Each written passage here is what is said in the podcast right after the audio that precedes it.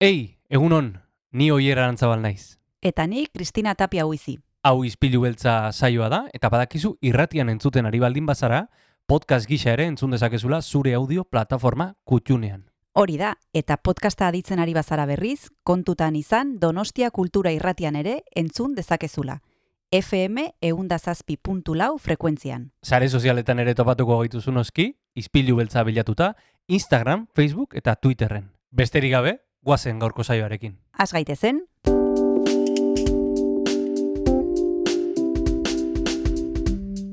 Ispilu beltza. Donostiako kulturaren berri, Oyer Arantzabal eta Kristina Tapia buizirekin. Egun honen zule ostira da ustailak amalau ditu eta gu hemen txegatoz indarrez beteta gauza interesgarri askorekin. Izpilu beltzean, Donostia Kultura Irratian.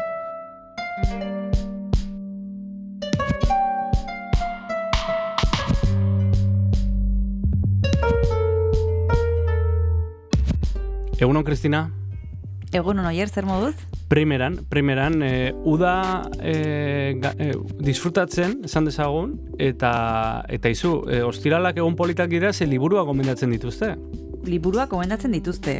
Eske izugarrizko plana izan dugu ikasturte guztian zehar. Bai, eh? bai, bai. Ze ei, osatu dugun zerrenda ez da makala. Liburu pila bat gomendatu dituzte liburu zainek, donostiako liburu zainek, eta gaur etorriko da Larraitz Idarreta aur liburutegi nagusiko liburu zaina da bera, eta gainera jasaldiari buruz hitz egiten ari garazken ostiral hontan hauetan, eta gaur Unai Olabarri Barela bateria jolea izango dugu gurekin, e, berak e, parte hartzen du Xau izena duen e, taldean, eta uzairen hogeita bian egongo dira frigo gunean, eta bueno, aukera polita izango dugu proiektu hau ezagutzeko.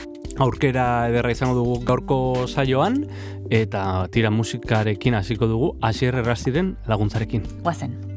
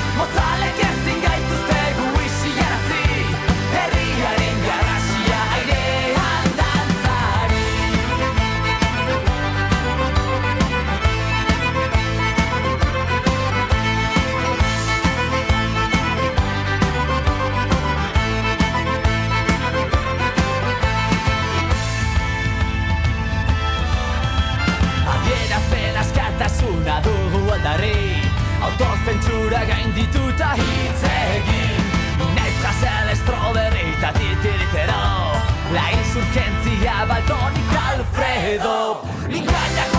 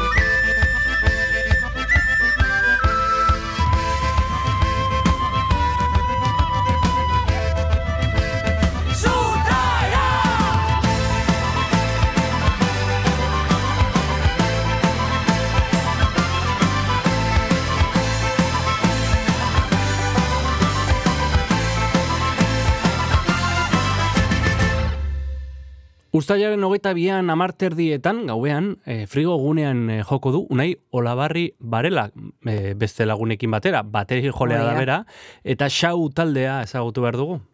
Bai, badekizue bertako hainbat taldek joko dutela jasaldian, eta guk gaur gonbidatu nahi izan dugu Unai Olabarri, xau e, proiektuko kidea da bera, eta jarraian entzungo diogu.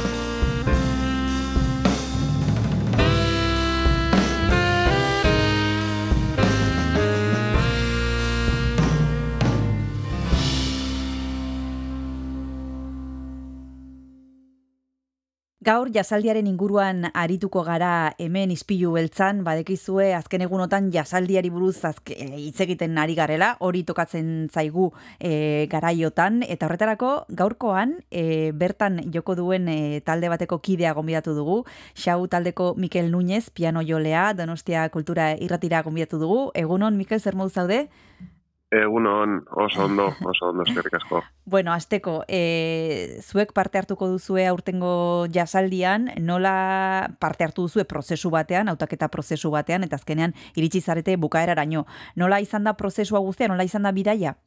Ba, bueno, esperientzia buru bat badeko gu honetan, ze beste e, pandemian aurretik bai partu hartu genuen e, e, jasaldian bertan. Mm Eta, bueno, ba, ilusinoa gaz, ez? E, azkenien, e, bueno, ba, jasaldia guretzat oso gertukoa da, e, ekitaldi oso importantea da, e, jaz, e, jaz munduan gure inguruan. Eta, ba, bueno, ba, ilusinoaz, badakigu talde asko proposa, e, botatzen da biela euren proposamena, eta, eta bueno, ba, guretzate ohore bat, ez? Guaz e, kontetie. bueno, xau taldea egongo da uztailaren hogeita bian frigogunean, ar, e, gaueko amarte erdietan, e, agian norbaitek kuskusiatu du jasaldiko webunea eta egon da begiratzen zein talde egongo diren bertan. Baino horrela e, ez balitz izango, e, zuek nola deskribatuko zenukete zuen taldea, zer egiten duzu esaun? Uf, magaldera oso zaila da. Apur bat, e, danetik egiten dugu, ez? Azkenean e, bakotxak, taldekide bakotxak proposatzen dugu bere, bere musika, eta, eta bueno, naizta, como sustrai bardin egon, e, egia da, ez, bakotxak entzuten dugula musika desberdina, eta sortzerakoan bebai, ba, bakotxa bi- bide batetik doi, ez? Eta Mhm. hori da azkenean gure gure diskoan e, islada hori da, ez bide asko juntentan direla leku baten eta leku hori da da sau. Mhm. Estilo desberdin asko dauz, e, bueno, da egia esan da jazz bastante klasikoa, baina baina garaiki da be bai. Mhm. Aipat, Aipatu Bai. duzu, Mikel, e, bakoitzak bere bidea daukala, eta xaun elkartzen direla bideo horiek guztiak horrek suposatzen du, eztabaida asko egiten duzuela, eztabaida zentzu honean, eh? Zen horberak bere Ba. gustuak ditu, bere estiloa dauka, eta gero hori dena elkartu egin behar da. Eta nik ezakit elkartze hori asko kostatzen den edo, ez? ba egia esan ez, egia esan ez, ezagutzen gara espaldi, Mhm. Eta badakigu e, entzaietan e, gauzenean, e, bakotzak ekarten dau ba, proposamen bat, ideiaren bat, edo temaia e, osorik eginda. Eta ba, egia esan ja badakigu zer espero dugun e, taldekide bakotzetik. Mhm. Orduen e, ez dau, ez dau e, ez da baidarik. Osa, danok asumitzen dugu bakotzak e, zerrin behar dauen, eta... Mhm. Mm, Esan duzu Mikel gauza bat interesgarria eta da aspalditik ezagutzen duzuela elkar. Hori izan daiteke gakoa, e, bueno, ba, eztabaiderik ez egoteko, ez izateko, e, gauzak e, ongi funtzionatzeko, e, nabaritzen da e, taldekideak lagunak direnak edo aspaldiko ezagunak direnean edo bakarrikan, ba, bueno, ba, elkartzen direla, elkartzen direla e, gauza bat e, jotzeko eta listo. Hori igertzen da?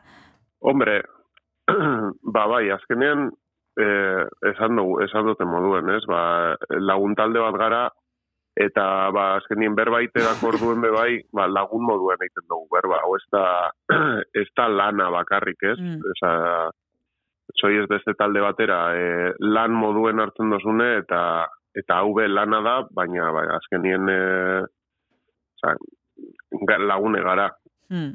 Mhm. eta bai, bai, hartzen da bez- bestera batera bai, egiten da berba. Bueno, e, lagun talde hau ikusteko aukera izango dugu, zaiaren hogeita bian esan dugun moduan frigo gunean izango da, gaueko e, amar terdietatik aurrera, tartetxo bat hartuko har- hartu behar dugu, eta segituan itzuliko gara Mikel Núñez piano jolarekin hitz egiteko.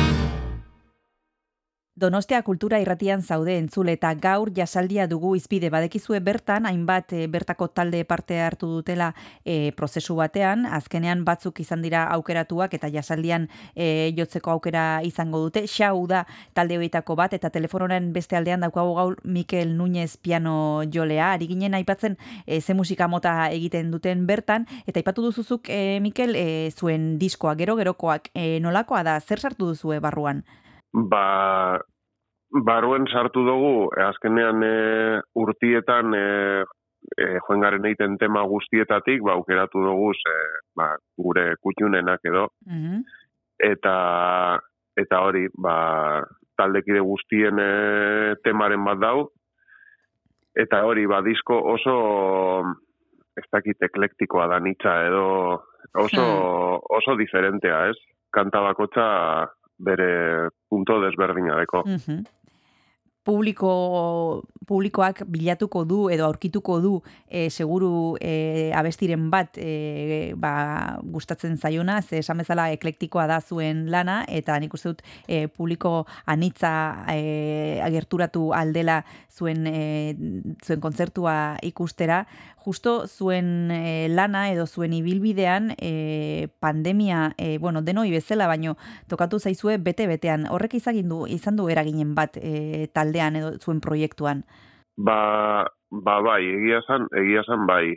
E, pandemian aurretik, bueno, gure taldean, egon dira be bai, mo, gora berak edo ez dakite zelan azaldu, e, gure taldekide batek e, e, bueno, taldekide karrera egiten, masterra egiten Mhm. joen zan e, Nueva Yorkera, Mhm, eta orduen e, egon diez etenaldi txiki asko mhm, gure taldien. baina baina hori e, sortu zanez hasiera baten e, ba, lagun batzu gelditzen ziela bai kafe bat hartzeko bai Hmm. entzaietako edo joteko eta hori forma hartzen joen zan eta baia da justo pandemien aurretik egon ginela jotzen bastante eta pandemia izen zan e, geldialdi oso potentea. Mhm. Baina egia da, pandemia eta gero, ba, goguekin buelta ginela eta orduen grabau gendun e, gure diskoa. Mhm. Gero gerokoak da xau taldearen e, diskoa eta aipatzen ari gara e, lagunak eta e, lagunen e, lagunen artean guk izenak esan behar ditugu. Josu Salegi, e, saxo altoa, Mikel Núñez gaur gurekin dagona e, piano jolea, Jonander Amigo basu elektrikoa eta Unai Olabarri Barela bateria. Nola ezagutu zenuten elkar eta nola deskribatuko zenuke bakoitzaren lana, Mikel? Ba, bueno, ezagutu ginen, e, laurok ezagutu ginen musikenen, Mhm, musikenen ikasten. mhm, E, urte desberdinetakoak gara, baina, bueno, e, unai eta jonander ezagutzen ziren aspaldi, mhm. e, bilbotik. Baina beste, besteok eh, junta ginen e, musikenen. Mhm. Eta bakoitzaren lana zein izango no- nola nola nola deskribatuko zenuke? Diskoaren lana, Bai, eta nola jotzen duen bakoitzak, e, ze puntu ematen dion bakoitzak taldeari? jo, ba... ba, galdera, galdera zaia. e, bueno, e, a ber, ba, unaik eta josuk egia da diskoan e, dekiezela e, kanta gehienak, eurenak, eta bakotzak badeko bere komposatzeko era desberdina, ez? Ba, Josu saxofonista moduen melodia oso oso importantea da, e, unaik e, komposatzen dauz kanta pillo bat, eta melodia da garrantzitsua, baina ba, unain kantetan beti ba, bateria moduen erritmika eta e, bai, como jolas erritmikoak eta daukate e, garrantzi asko. Mhm. Eta eta bueno, ba Jonander e, bajista moduen ba deko bere bere kanta bat e, diskoan. Eta ba ez dakit, ba Hmm. ni saiatzen naz e, como danon e, pegamentoa izaten moduan, ez, ba bateria eta melodian artean, ba ni ni sartzen naz hor. Mhm. Jon Anderrekin batera. Mhm. Aipatu duzu musiken, eh, Mikel, eta hemen musikari asko pasa dira, e, izpilu beltzatik, e, batzuk e, jasaren mundutik datoz, beste batzuk musika klasikotik datoz, eta musikenetik pasa diren guzti hoiek beti azpimarratzen dute musikeneren garrantzia, musipe, musikeneren lana. Zuentzat ze suposatu du zentru honek zuen ibilbidean? Hombre, ba, oso oso importante izen da. Ez dakit beste engan, eh? baina, bueno, ni, nire esperientzia esango Mm, dut, baina bai oso oso esperientzia polite da, oso, oso gogorra, Hmm. Osa, azkenean, e, ba hori, gauta egun, e, lau urtez, ba musikan murgilduta e, egoten zara, Hmm. eta baina baina bai nire bizitzako esperientzarik eh, onena edo onentarikoa izan da.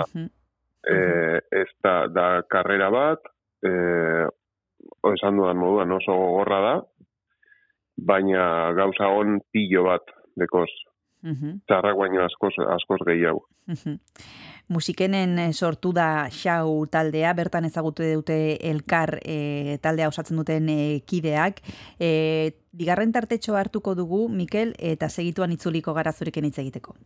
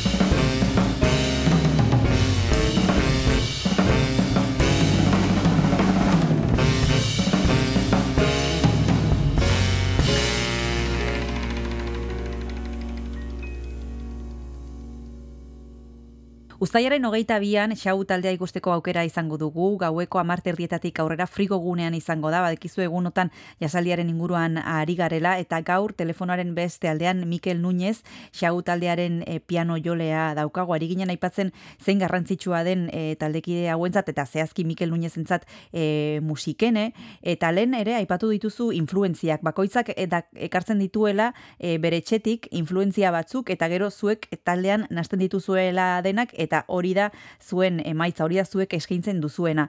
E, zure influenzia kasu hontan Mikel nondik datoz? E, zuk e, ze musika mota entzuten duzu, ze gustatzen zaizu? E, azken aldi hontan non ari zara belarria jartzen?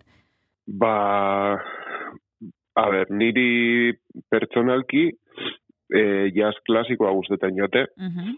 baina ba egia da ba azkenean e, e, gaur egungo musika be bai, osea, entzuten dodala, ez? Bueno, gaur egungo jazza.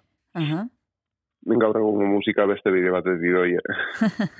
e, bai, gaur egungo jazza eta gaur egungo musikariak entzuten doaz, eta azkenean, ba, hortik be bai influentzia apur bat kasi-kasi gure barik hartzen dozu.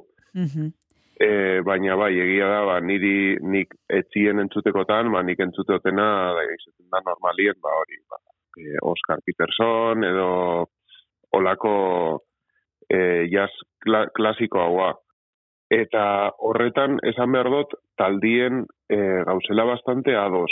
Ah. E, danok, entzut, danok e, tiretzen dugu bastante hortik. Aha. Naiz ta gero, ba, esan doan moduan, ez? E, gaur egungo musika bebai entzuten dugu eta horren influentzia handia dekogu. Mhm. Aipatu dugu Mikel hasieran jasaldian joko duzuela, zuek jasaldia gertutik ezagutzen duzue, seguru nago e, kontzertu mordora e, joan zaretela, joan zarela, gogoratzen duzu lehenbiziko kontzertu hura, zen bat urte zenitun eta nor ikustera joan zinen? Jo, ba, ni egia esan memoria supertxarra dekot. Baina, ba, ez dakit, jazaldian adibidez, nik gogoratzen dutena da, nire musikeneko urteetan, Mhm. ba, e, urtero, urtero jaten nintzela udan, e, ba, ez dakit, gogoratzen dut esnarki papi e, bai plaian eta bai e, frigo eszenarien bai ikasi ikusi nebala, Mhm. e, Jamie Kulumen kontzertu e, plaian, Gregory Porter, Mhm. e, die, ez die oindala askokoak, Ez, ez. die oindala urte gitzi, baina, baina, bueno, ez dakit, recuerdo onak diez.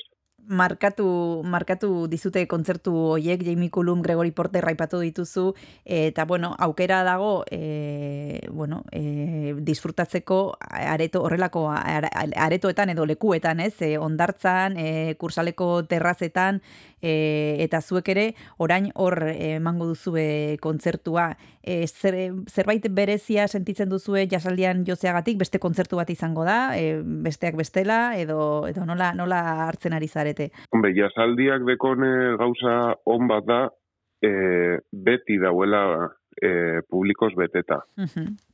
Osa, bet, beti playako eszenarioetan beti dau jende pilo bat. Eta azkenean zu deitzen dotzu joteko ez dakite, areton batera joten edo, Mhm. eta beti dekozu como zalantza hori, ez? Jo, jendi etorriko da, azkenien igual Bai, ez gaituzte bai. ezagutzen eta bastakit etorriko da nonor.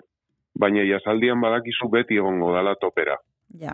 Eta ba, horrek bebai bastakit ilusioa sortzen dau edo emo- emozioa soi ez Mm. joten, ez? Hmm. Eta erantzunkizun gehiago ere bai, igual? E, bai, hori implizitoa dago barruen, bai, bai. Bai, azkenean jasaldian beti ez tala izango beti, hola, baina e, publikoa beti hartzen duzu, como, jo, publiko oso e, ez dakizelan esan, e, publiko berezia dala, ez? Bai, Bai, ez? jasaldian e, datoz jazz musika entzuten, jazen e, adituak Bai. diez, ez? Bai. Da beti meten dut, jo, publikoan egongo da, ez dakize kritiko, ez dakize erre, eta azkenean olako responsabilidadeko zube bai. Mhm, E, bueno, nik behintzeto lan pentsetan dut, eh? mhm. Igual bestiek ez, baina ni bai. Bueno, e, erantzunkizunari buruz hitz egiten ari gara, zein e, nolakoa izango den e, jasaldieko kontzertua, esan bezala uztailaren hogeita bian izango da Afriko gunean, gauean, e, be, amar terdietan, eta nik ezakite, Mikel, e, pentsatu duzuen honetan edo ez, baino e, taldearen etorkizuna, nolakoa izatea gustatuko litzaizueke, e, asko dedikatzen diozue horri, e, ez duzue pentsatu inoiz, e, e, orainaldia bizitzen duzue eta kito, no, no, nola pentsatzen duzu xau izango dela urte batzuk barru? Ba, ba ez, ez gara parau, pentsetan, egia esan, eh, oindala e, hile batzuk e, egon gara juntau barik, ba, justo taldekide bat e, aita izen da, eta orduen e, paroitxo bat egin dugu, eta ba, ber, ba, lehen esan duten moduen, azkenien lagun talde bat gara, orduen Mhm. lagunak izaten jarraituko dugu, mhm, beti. Ez, orduen e, e, lagune gara eta gainera musikak batzen gaitu, orduen e, ba hori.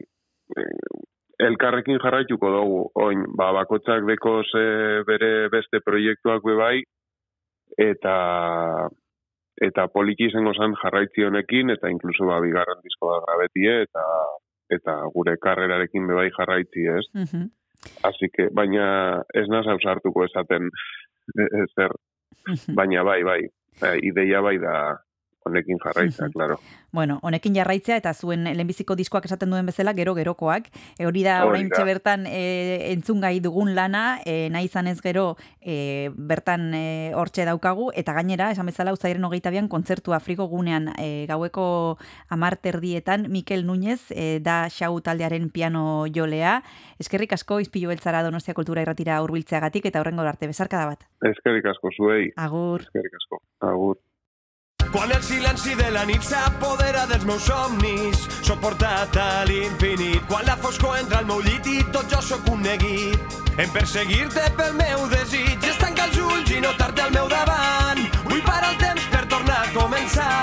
Ja fa tants anys que vas marxar i et sé present a cada instant.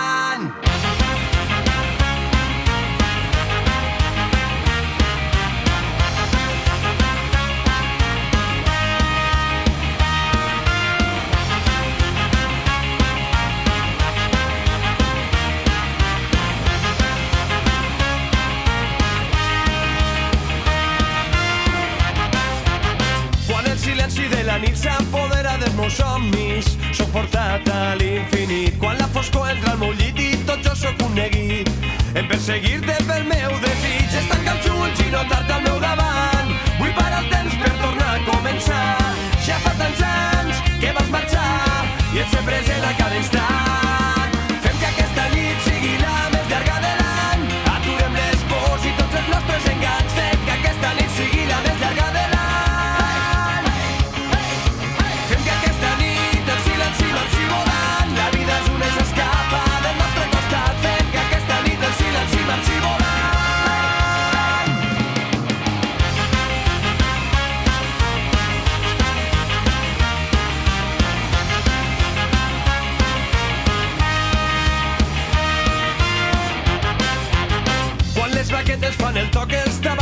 Tabals posen el ritme esclatant l'olor del foc.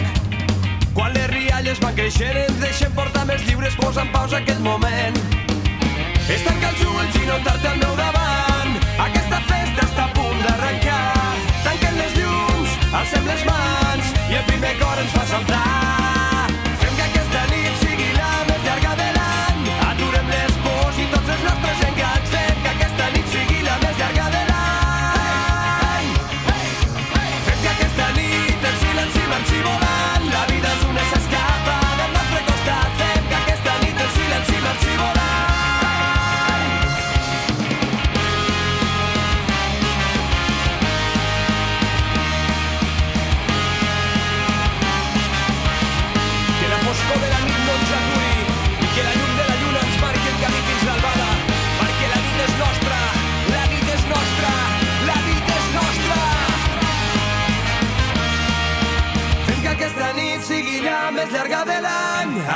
Les pors i tots els nostres enganys. Fem que aquesta nit sigui la més llarga de l'any.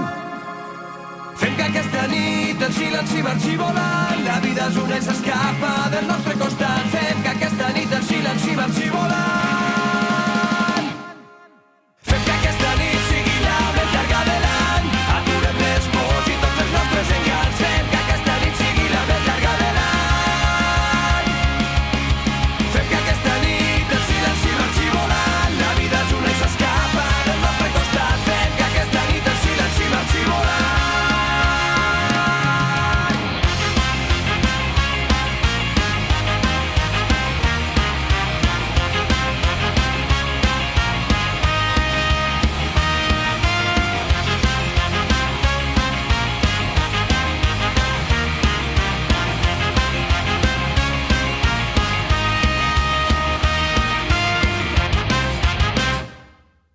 Ostirala da entzule badekizue ostiraletan liburutegietara joaten garela, bertan e, liburuzainak ditugu, gomendio ederrak egiten dituzte astero astero, kasu hontan larraitz idarreta daukagu telefonoaren e, beste aldean, aur liburutegi nagusiko langilea da eta gaur bi gomendio ekarriko ditu, batetik Patxi Zubizarreta Dorronsororen zerria eta bestetik Ana Belén Lorenzo Martínezen aprendizaje basado en cuentos. Egunon Larraitz, zer modu zaude? Egunon. Ondo, ondo. Bai. bueno, gaur bi gomendio ekarriko dituzu, larraitz batetik e, guk ezagutzen dugun autore batena, Patxi Zubizarreta Dorronsoro, zerria, eta horren inguruan arituko gara lehenbiziko ongi iruditzen baldi mazaizu, eta beti bezala galdetuko, galdetzen dizuet e, asteko e, kontatzeko pixka bat, gehiagi kontatu gabe ere, zer kontatzen duen idazleak e, proposamen hontan, e, zein izango litzateke sinopsia, zerriaren sinopsia? Ba, e, zerri, zerria liburuaren protagonista bereket izeneko glaziologo bata, mhm. eta bereket protagonista, baina zerria bera ere oso protagonista da liburu honetan. Mm bereket lanean ari dela, lagun batek deitzen dio, ba, e, beste glaziar batean e, bi gorpu momifikatu topatu dutela esanez. Mm -hmm. Eta gorpu horren inguruan e, hainbat e, objektu daude. Mhm. Eta ba, horrek e, eta esaten dio balen balen etortzeko, polizia ikertzen hasi baino lehen, e, berak ikusteko ze, ze atentzio, oza, oso interesgarri egingo zaiola. Eta bueno, mm -hmm. juten da, eta ura ikusita erabakitzen du ikertzea zein ote dien bi pertsona hauek, eta e, zergatik zera matzaten oiektu oiek. Bat nabarmentzen da dala testu bat e, euskeraz eta hortik abiatuta ba, alpetan da azten dan historio bat, gero Pirineotara zubire gara etortzen da, eta hortxe, eta, eta historia bera ere gaur egun kontatuta dago, baina orain dela mende, iabi mendeko beste gertakizun batean inguruan e, kontatzen digu. Eta hori, ba, jaken minaldia pizten duen liburu bada, azeratik, eta bukara ino, ba, hor, hor gauka gaitu ba, jakin nahien ze, ze gertatu dan pertsona hauekin.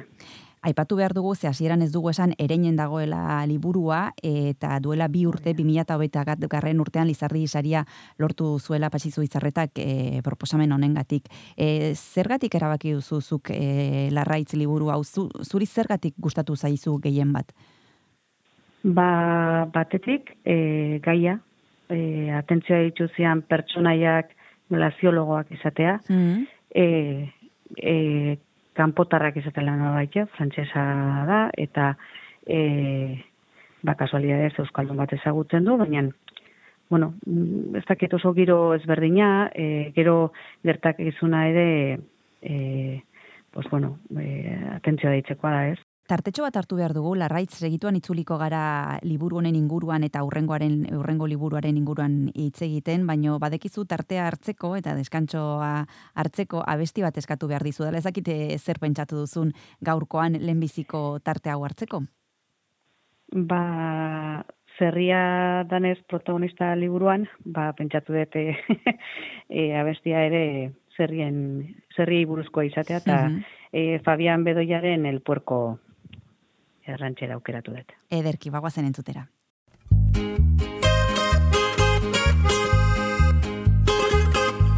Estuve muy de malas cuando encontré en mi vida Un puerco jodido y cochino como tú.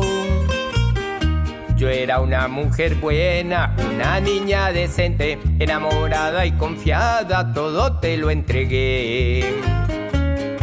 Lo que yo no sabía era que eras un cochino.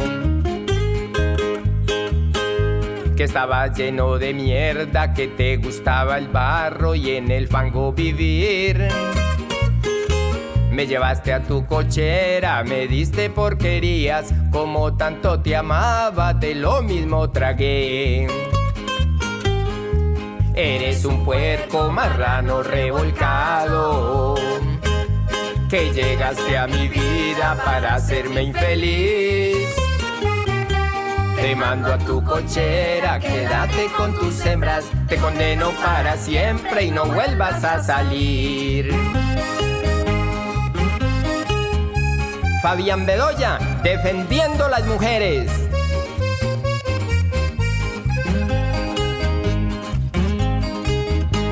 Mis padres me tenían con la barriga llena. Me enredé contigo y hasta hambre yo aguanté. Probé tus revolturas y sola Dios rogaba que con mi cariño tú pudieras cambiar. Cansada ya de verte borracho y revolcado me puse yo a mirarte y rápido comprendí que tienes en tus venas solo sangre de puerco. Eres un cochino, ya no vivo contigo, me largo yo de aquí.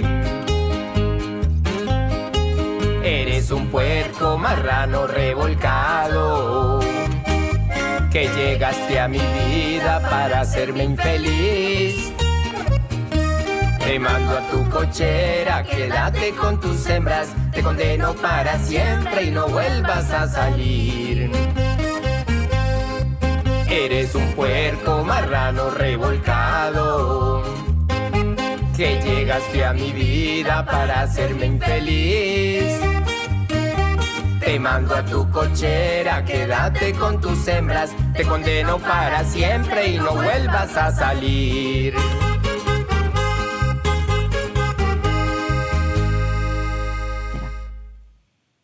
Donostia kultura irratian zaude entzule ispilu beltzan. Badekizue ostiraletan liburutegietara joaten garela eta uda da badekigu eta plan asko ditugu kanpoan, baina jakin dezazuen liburutegiak zabalik daudela.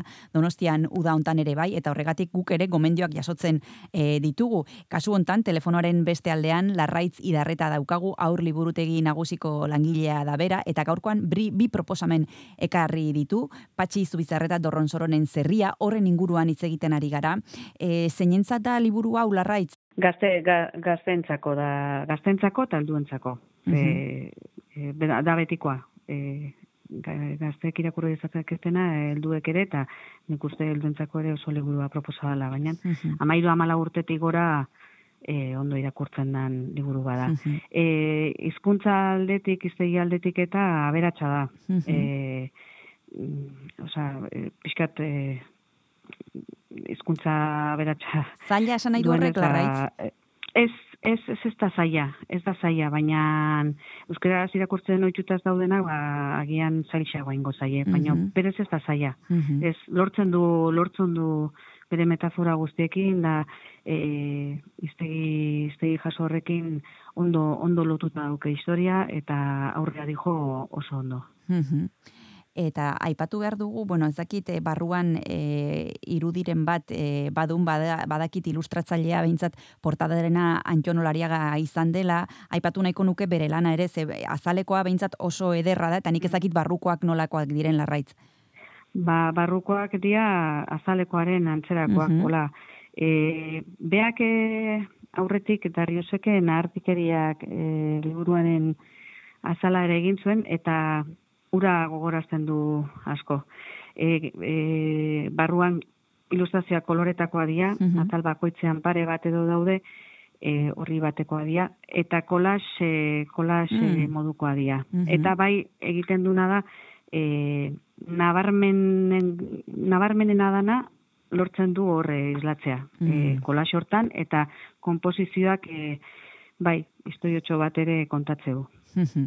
Bueno, hau da, larraitzi darretak egin duen lemiziko gomendioa, patxi zu izarreta dorronzororen zerria, ereinen dago baita donostiako liburutegietan ere, laro gita zortzi horri aldeko e, novela bat, e, gaztetxo entzat, e, ereinen dagoena, eta orain, e, beste liburu bat ekarriko duzu izpilu beltzara, aprendizaje basado en cuentos, Ana Belén Lorenzo Martínezek idatzitakoa, eta hemen, bueno, pixkat aldatuko dugu, baino ez gehiegi ere, e, kontatu larraitz, e, zein da Ana Belén Lorenzo Martínezen proposamena kasu hontan? Ba, liburu hau nabarmendu dut, batetik, e, aipatu nonen lako aurri burutegi nagusian, e, aurliburuaren e, aurliburuaren dokumentazio gunea daukagula. Mm Ta bertan ba hainbat liburu jasotzen ditugu literaturaren ingurukoak. Mm e, hau adibidez ba ipuiekin lantzeko liburu bada, antologia jasotzen ditugu, e, teknologia eta literaturarekin lotura dutena, bueno, hainbat. Eta hau nabarmendu nahi nun, zeren, e, irutu zait oso liburu praktikoa, e, aurrezkuntzako e, irakasleentzako. Mm. E, bi zati ditu liburu honek, baten e, zati teoriko lehenengo erdia zati teoriko bada, eta bigarrena zati praktiko bat. Mm -hmm.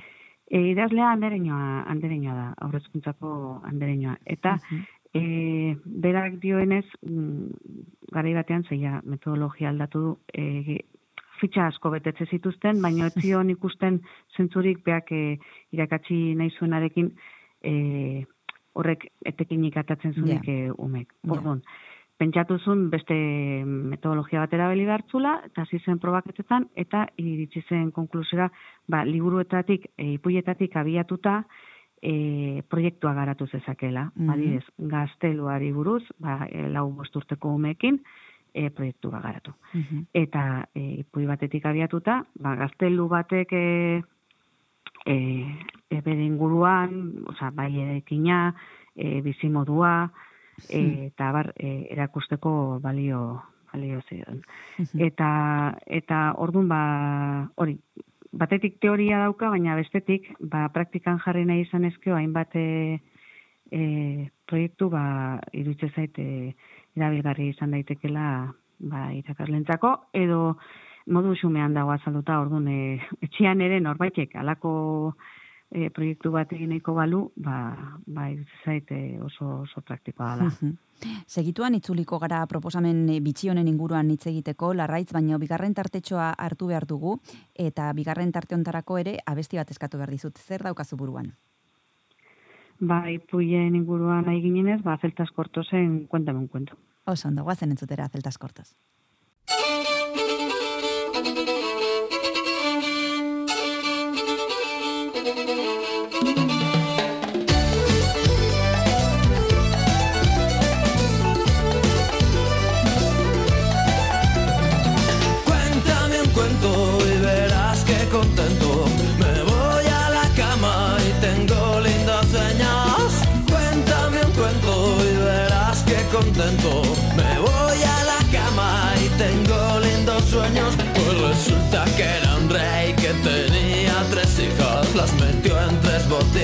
Y las tapó con pez.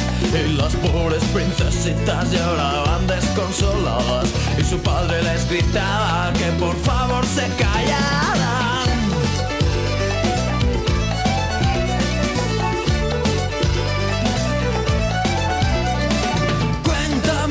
y verás que contento.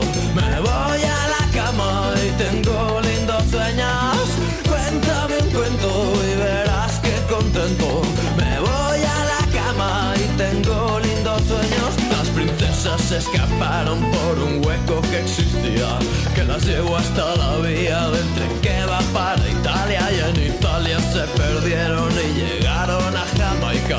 Se pusieron hasta el culo de bailar reggae en la playa.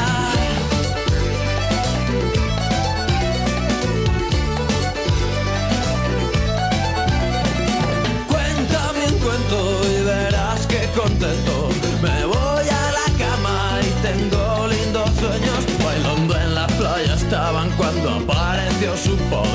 Con la vara de avellano en la mano amenazando. Fue tras ellas como pudo Tropezó con la botella que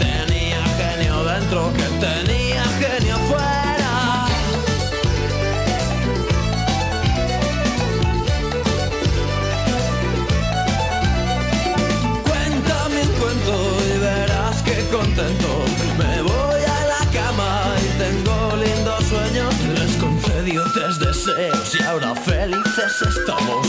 Y color incolorado este cuento se acaba. Y resulta que este rey que tenía tres hijas las metió en tres botijas y las tapó con pez. Cuéntame un cuento, la enanita junta globos,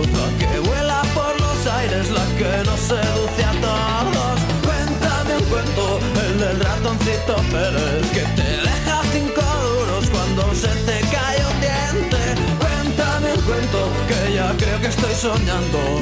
Cuéntame un cuento, con música voy viajando. Cuéntame un cuento, que todavía no es tarde.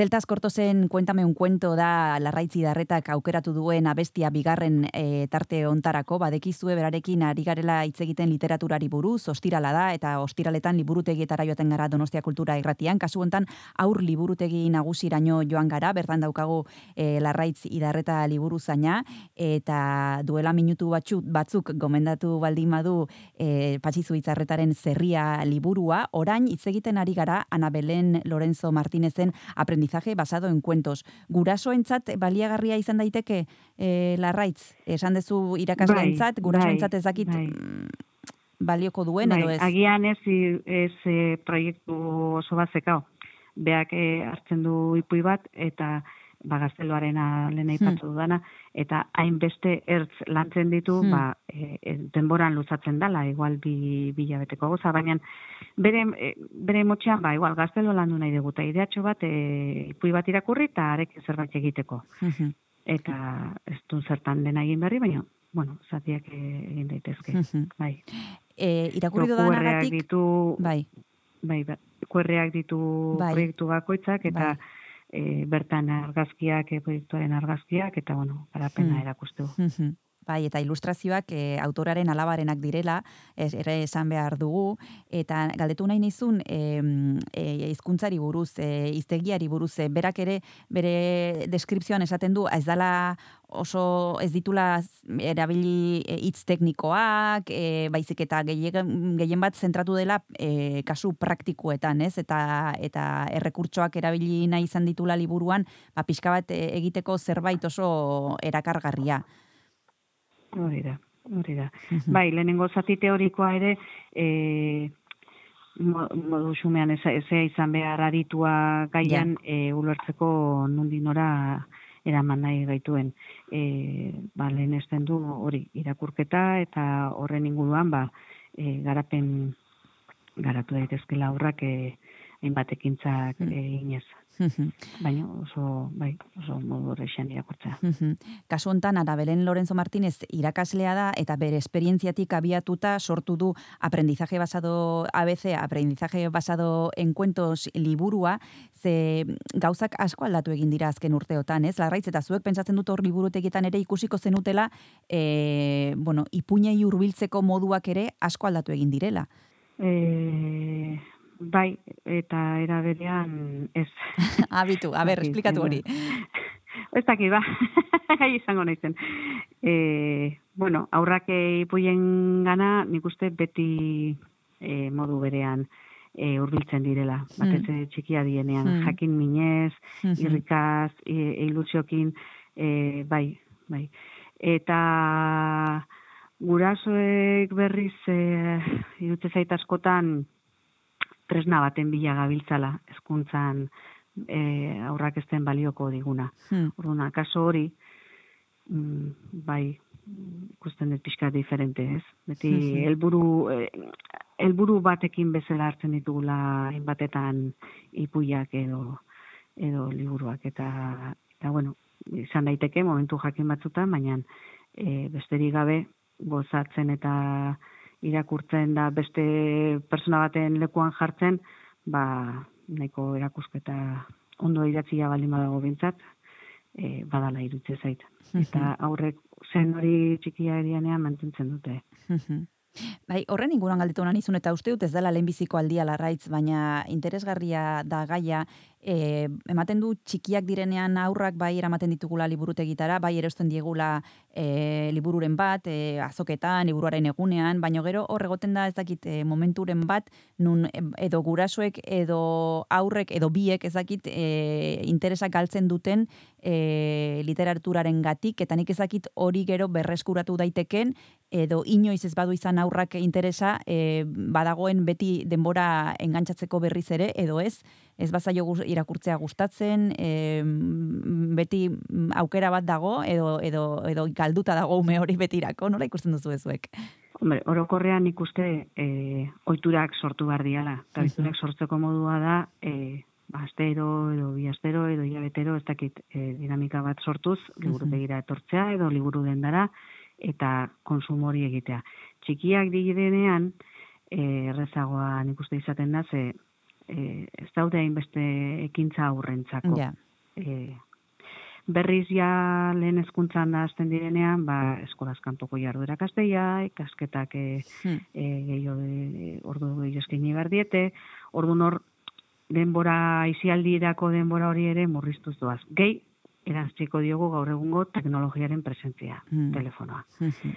E, orduan, horrek asko ikusten murriztu egiten dula aukerak e, txikitan gehiago etortzen dela Ja. e, e, osea, gaztetan baino. Baina ohitura sortu baldin bada eta gustatu baldin bazaie, nik uste junda etorriko e, ohitura diala. Mhm. Eta esperantza ez dela inoiz galdu behar. Nik eh, personalki koinatu badakat etzena bat ere irakurlea, eta ia berroita hamar urtekin, ba, novela beltza deskubritzu zitxun, eta orain guzti zen gainatuta dago. Bitu, bitu. Inoiz ez da berandu orduan, eh? Bai, bai, bai.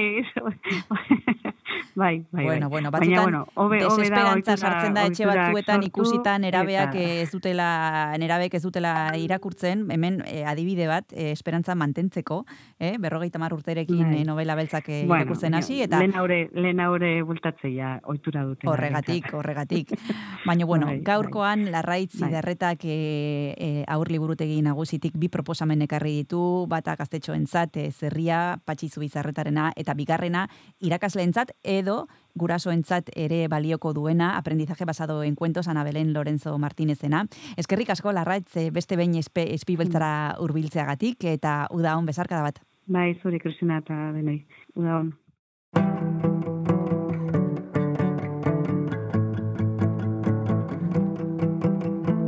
Parean eseri zaidan eska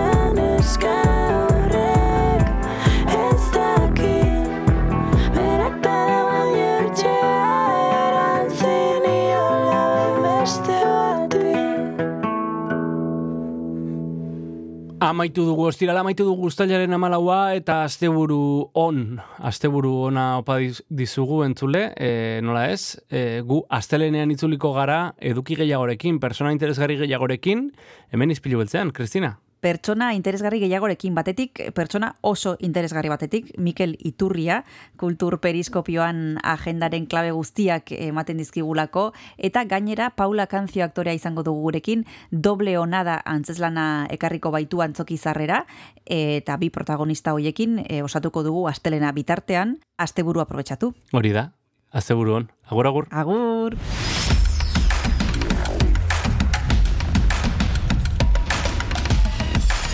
Donostia Kultura Irratia.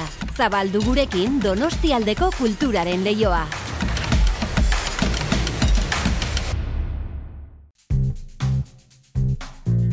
Kanta katilua. Kaixo entzule, ze pozik gauden gaur, eh? Behintzat aste honetan e, oporretan ez eta lanean aritu garenak. Izan ere, bueno, asteburua hementxe dugu ateioka, guri minututxo gutxi falta zaizkigu asteburuan murgiltzeko, eta, bueno, ba, erritual modura badakizue, guk ostiraletan selektore bildumagile edo DJak izaten ditugula gure kantakatiluan, eta gaurkoan ere alaxe izango dugu. Charlie Dark izango da gaur gure tartea, bueno, ba, aprobetxatuko duen musikaria, berak eh, roots errigi eta klasik dancehalleko pieza nabarmenak ekarriko ditu bere gaurko pintxadara, eta badakizue, bere pintxadarekin batera agurrere esango dizuegula astelen arte, oraindik ere lasai ama bostegunez ispilu beltza izango duzuelako. Ondoren ere, badakizue, ba, ikasturte berriarekin batera itzuliko garela, baina mm, abuztu mintzat, e, atxeden hartzen utziko diguzu ez da? Beno tira, e, esan dakoa, Charlie Dark izango duzuela hemen entzungai datozen minutuetan, Donostia Kultura irratian, eta hori, ba, astelenean entzungo garela elkar. Disfrutatu, gozatu asteburuaz, eta badakizue, astelenean ere, eunda zazpi puntu lau FM-ean, edo zure podcast plataforma kutxunenean aurkituko duzu zure ispilu kutxuna. It is a weeping and a mourning and a gnashing of teeth in the dance hall and who do all teeth will run pon them come cause when time it come to my sound which is the champion sound. The bugle blow up many time and it still have one more time left cause the amount of stripe up on our shoulder. Lambada sound that run this year man can't test me. I want to make it a bit. Come, me and your girl. A lot of sound boy I get dust out tonight. A lot of them going to suffer tonight. Cause this session is getting hotter. And this your dance hall is under fire. A lot of people going to feel good tonight. So a lot of sound boy I go end up a fight. But remember to praise the champion every time, and he will guide you throughout this session. It under fire. Whoa, And I sound there.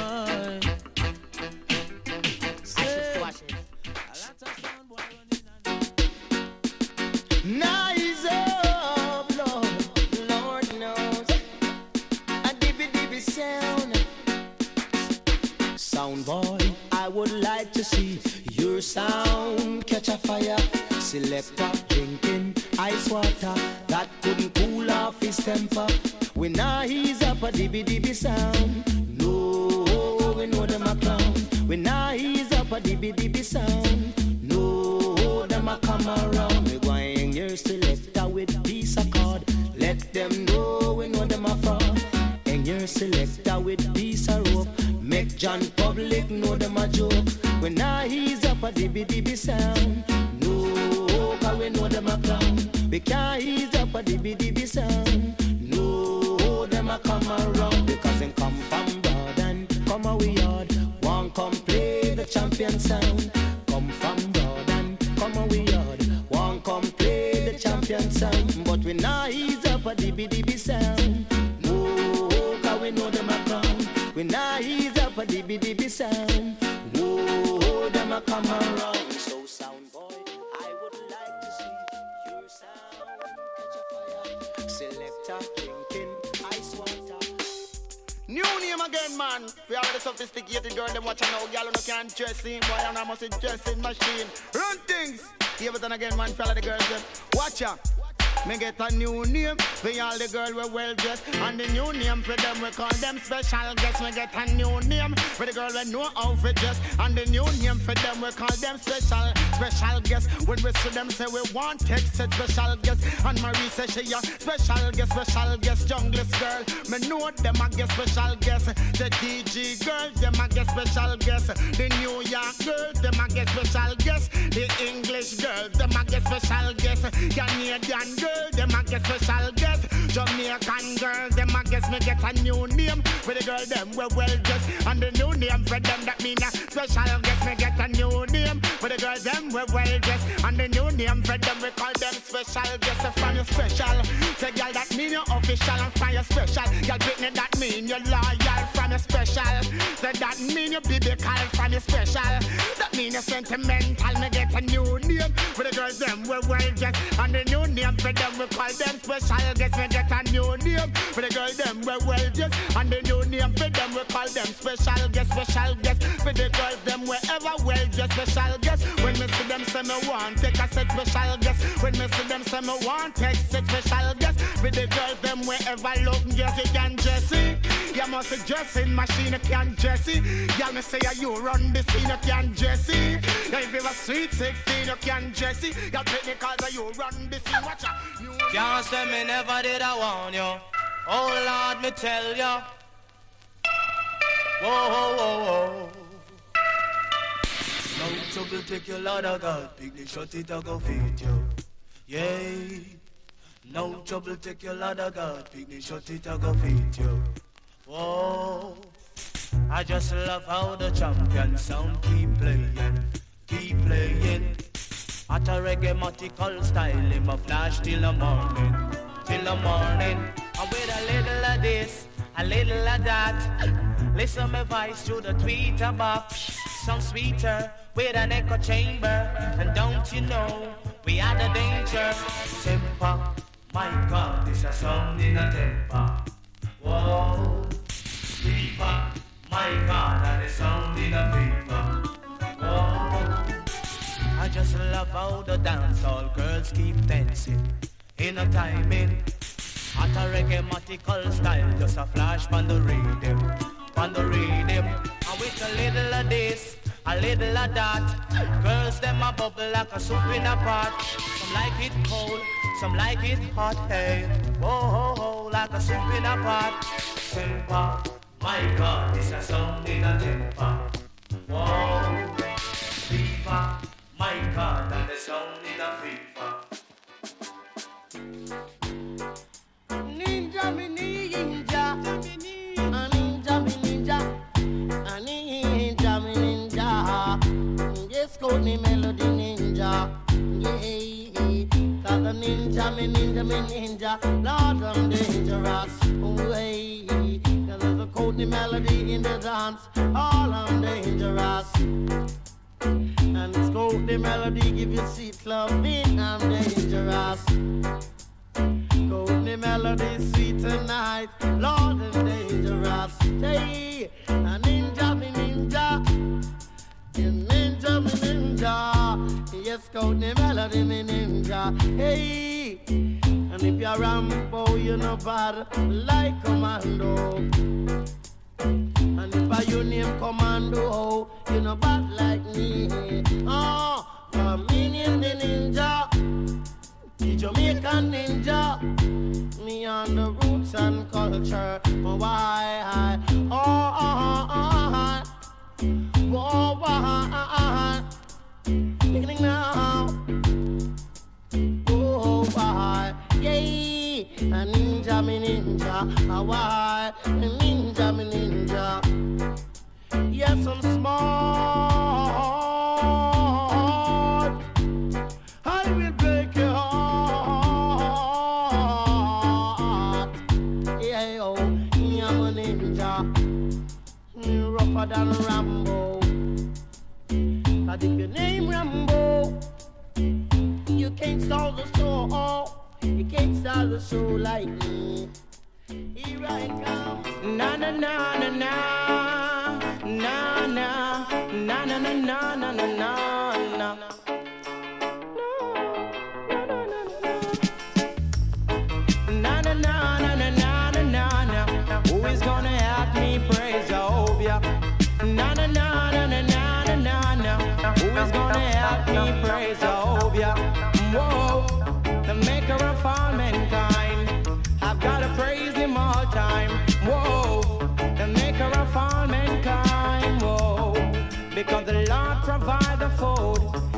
saw the shelter.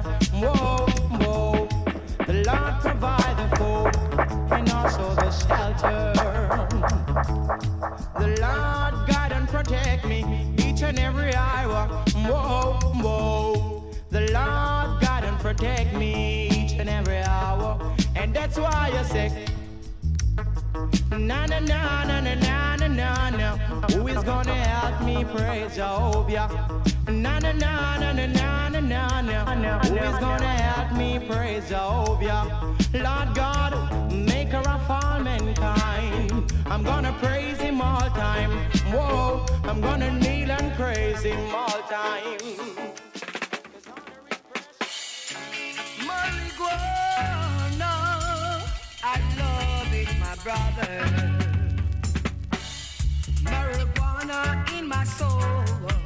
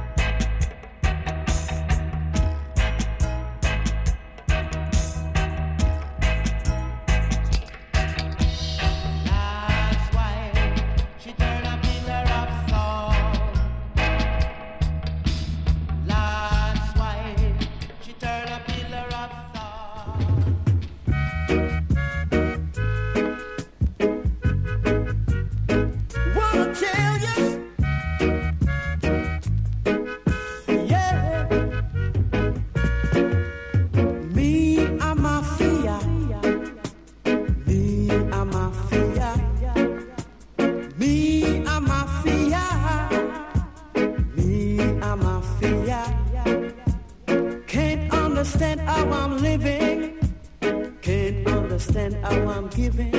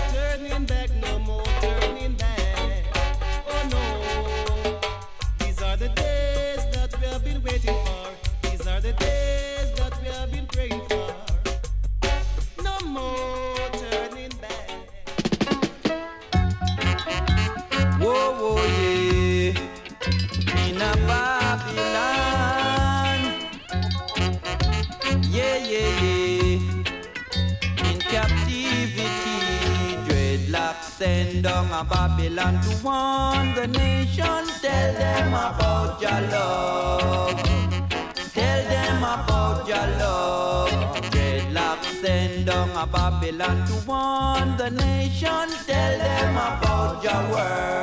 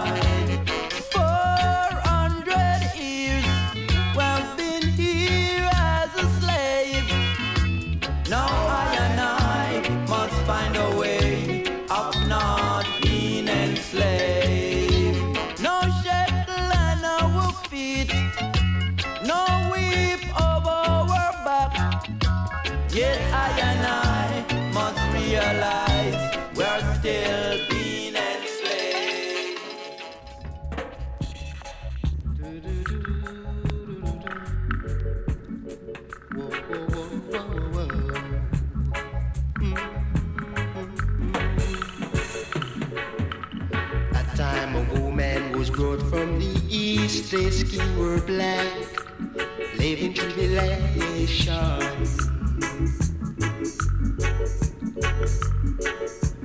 Can't find the way to be free, captivity had to fit to survive.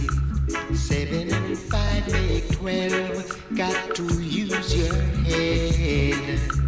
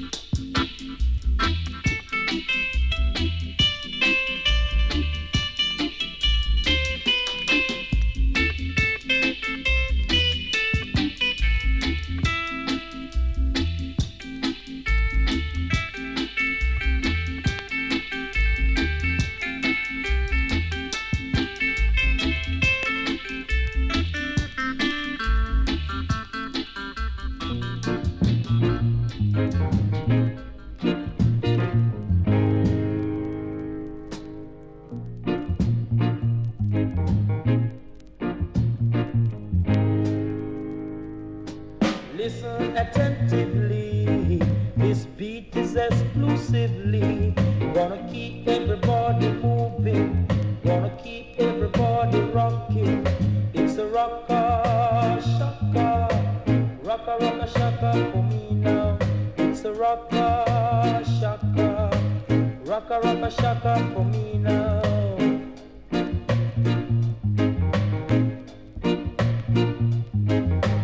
If you are alone and no place to go, just relax, turn on your radio. You'll hear the beat of the shakin' go-go. It's the rocka, shaka.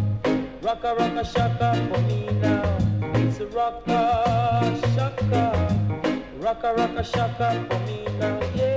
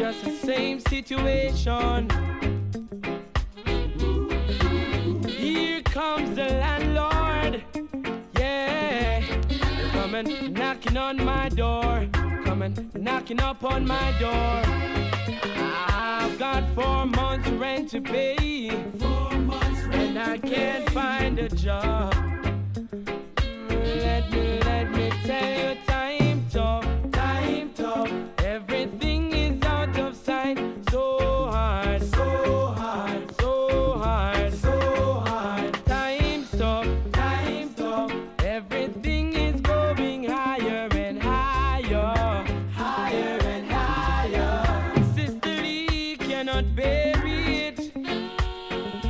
And brotherly can hardly stand it, man.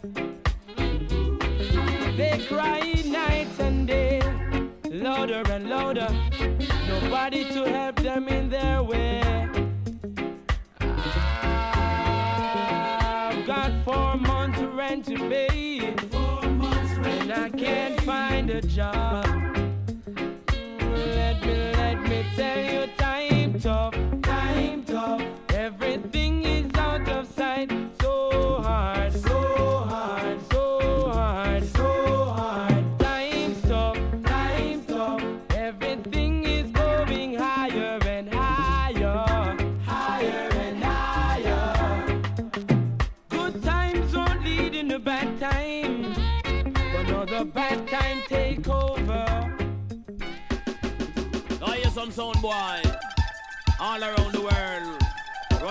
about, talking about them is done sound and champion sound. But all you the believe sound boy stay and pass. Retreat. Sound boy surrender retreat. For me sound it run the hero boy retreat. Sound boy surrender retreat for me sound copy take over.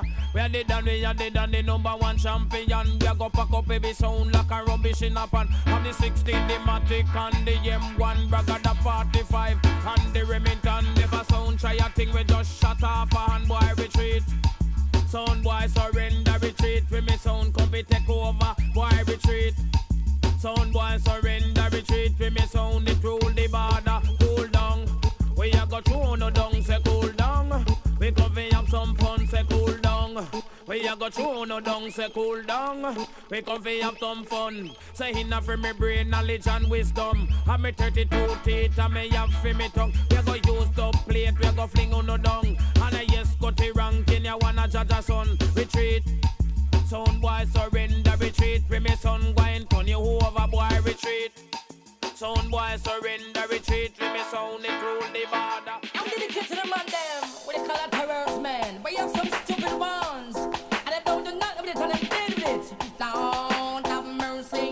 He never did the one, he never did the two, he never did the three. Come now, come now. Those who deal with vanity show no love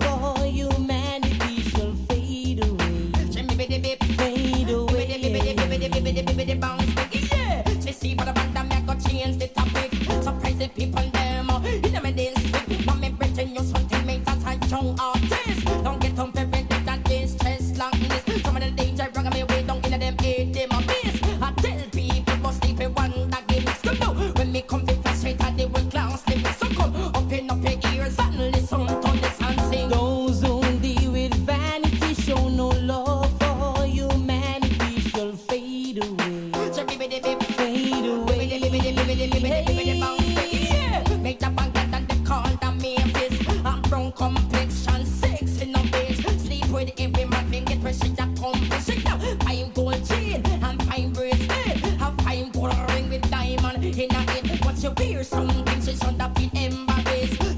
Embarrassed. So wear a five tear in a it. And when me tell her, she said, "Sit down, this business."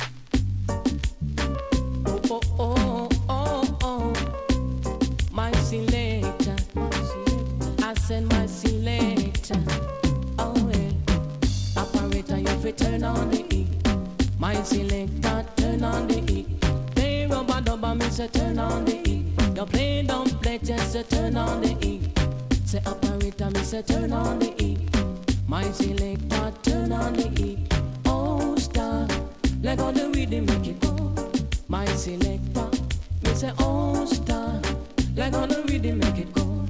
My selector, I want to know how the dance it's so nice.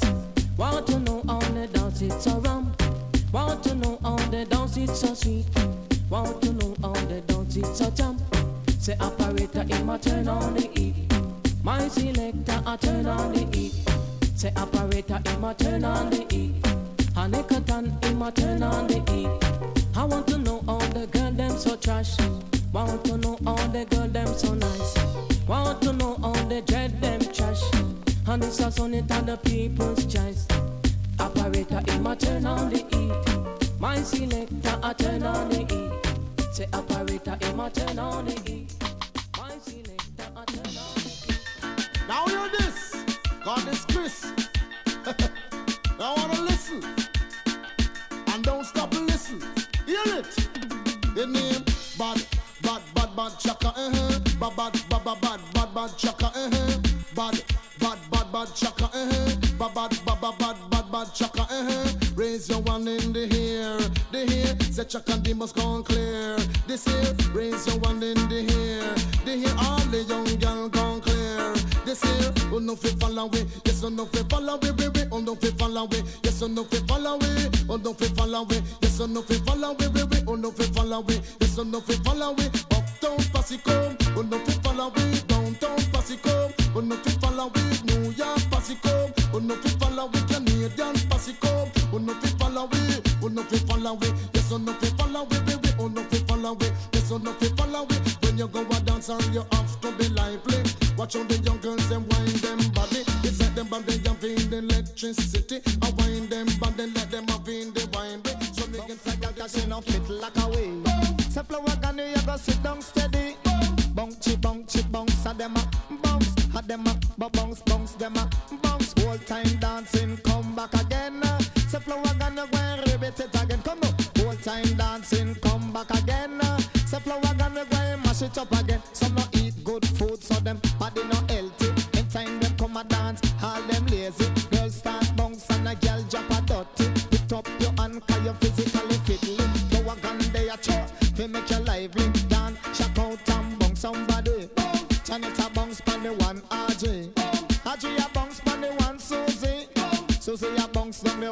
one Beverly.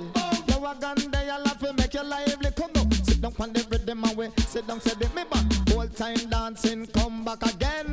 Say flow a gun go mash it up again. Come on, whole time dancing, come back again. Say flow a gun go never, all never learn to dance, learn to dance. Crowd of people catch a new brand dance, catch a new brand dance, catch a new brand dance. And jump, head out and shake your body, body, shake your body, duck. Every party you feel wine and go down, duck. Every party you feel wine and come up, duck. Every party you feel wine and go down, duck. Every party you feel wine and come up, line up, line up. Every party line up, line up, line up. Every party line up, right foot off a ground. I want to see you lift it up, lift it up, lift it up. Everybody lift it up, left foot off a ground. I want to see you lift it up, lift it up, lift it up. Everybody lift it up. Put your foot in the key like you are keeping up,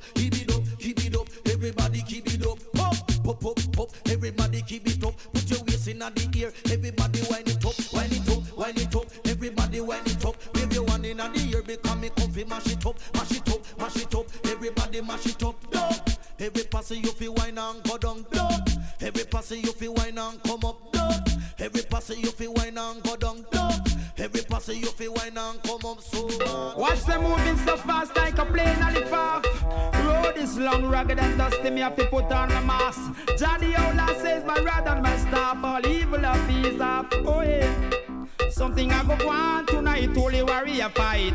Choosing is a light, I must stand up and fight. We are raga raga from down Africa. We are raga raga from down Ethiopia. We are raga raga like Nelson Mandela. We are raga raga like Mali and the wheel. About them of the most nuclear and for the combat. I say some out of soldier and and pack. Millions and billions and squander upon that is like the Almighty Father. Not for them all. They got me up to stop and look and listen when me hear some man a chat because the kings of kings Selassie I them all a mock.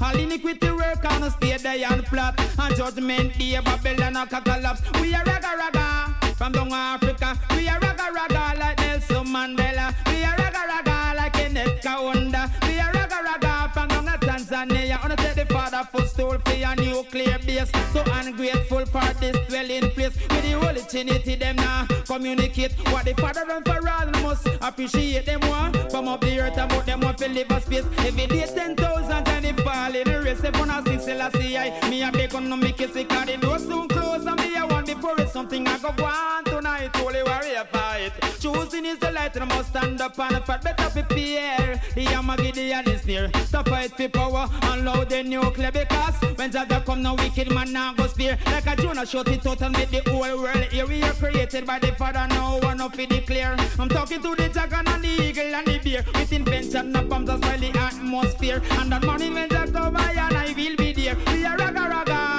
from down Africa. Raga raga like Nelson Mandela. Well, this one is dedicated to all of the man them we can big up them chest and say them can do the work. Well, when you not fling the agony, we girl picnic, don't afraid of it. Hear this? We want the agony. Yes, we want the agony. Boy, we want the agony. Hee hee, we want the agony. Hear this? Just make it get up, stand up, flick it out and give it. Spark plug socket. Just like a piston up, down,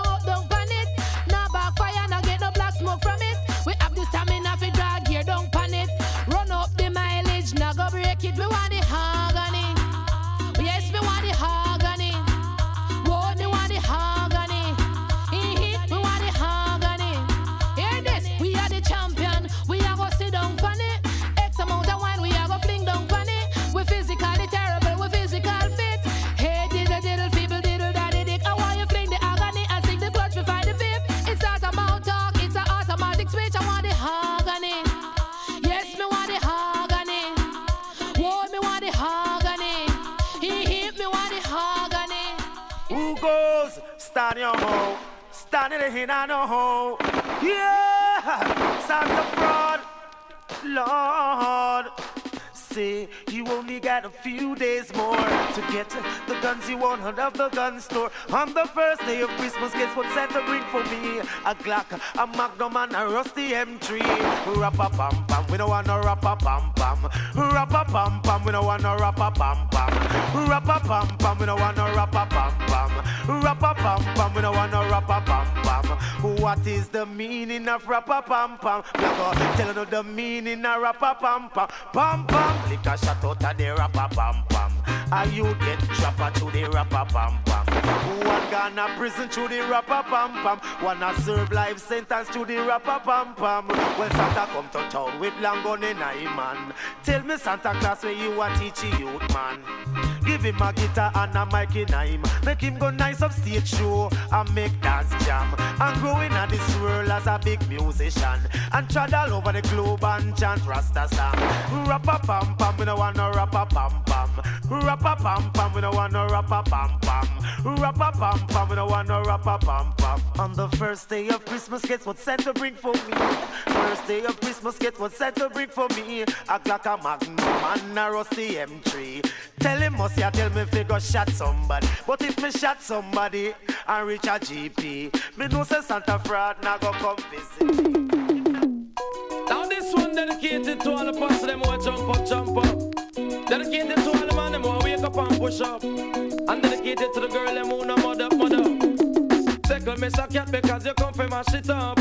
Anywhere you go, it happy all and pull up. Listen, me say cat because him well dangerous. Me say mud up italic and italic and italic. Me say mud up italic, it a rip up a market. Me say mud up italic, it a the latest lyrics. But me come to the place and take up the mic and flick for your lyrics. Me say if you think I lie, you a outlaw manix. Oh man, listen, me say cat and me no talk on miss. Ragamuffin, me say cat and me a chemist in a this. Me no use half a batch, me no work with switch. And this a DJ, you can't short circuit. 88 and 89, me say me know me a fi rich. And up and fi me just me want me satellite dish. Me say mud up italic and italic and italic. Me say mud up italic, it a the latest lyrics. Me say mud up italic, it Now special dedication to all dogs of dogs, dedicated to all top dogs, Liberty Crew. Man called Tony Kelly, the man called Robert and Wild Apache riding show. Curfew! Sometimes some back, some of them a rally back. We a road boy, youth and we no take back no chat. Sometimes some back, some of them a rally back, but we a road boy, youth and we no take back no chat. You full of big chat and can't defend that. If a jailhouse you come from, we sending you go back. You full of big chat and can't defend that. If a Bellevue you come from, we sending you go back. Cause with them there when they get around hot. When we look in the food for the pot. Man of him 16 over him back. 45 and we have a rampacker. Car bazooka and all it glocker. When we move it, we move compact. Man, we take a couple store, couple bank and shopper. And policeman a talk about we hotter. Judge I know we have to run left the spotter. Dan the dog at the data. When we come dance all of a block. Me say some a rally back and some of them dance back. We a road boy out and we And some a rally back and some of them dance back. Tony Kelly in the place and the place of a black cat. With them there when Kingston run hard. When we look in the food for we pot. Kingston we there when my sub get shot. Kingston we there when copper get shot. Kingston we there when a bird get shot. Man a Kingston we there when a cow get shot. Sandakan when him lick down flatter. Natty Morgan lick down flat. Jungle man spangle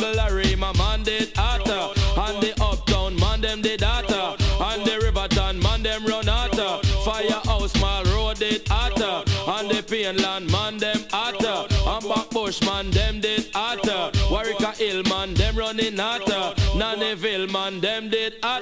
Some a rally back and some of them time sober. Them a road boy out way a bust up the clock. Some a rally back and some of them time sober. Say some of them a friars and some of them are nuts. Full of pose and enough big chatter. When you buck them can't defend that. Running off them mouth non-stopper. Bout them have the 16 and Glocker. And me shot him a cotton boxer. The west of to the east of American Way, here's the hottest Java.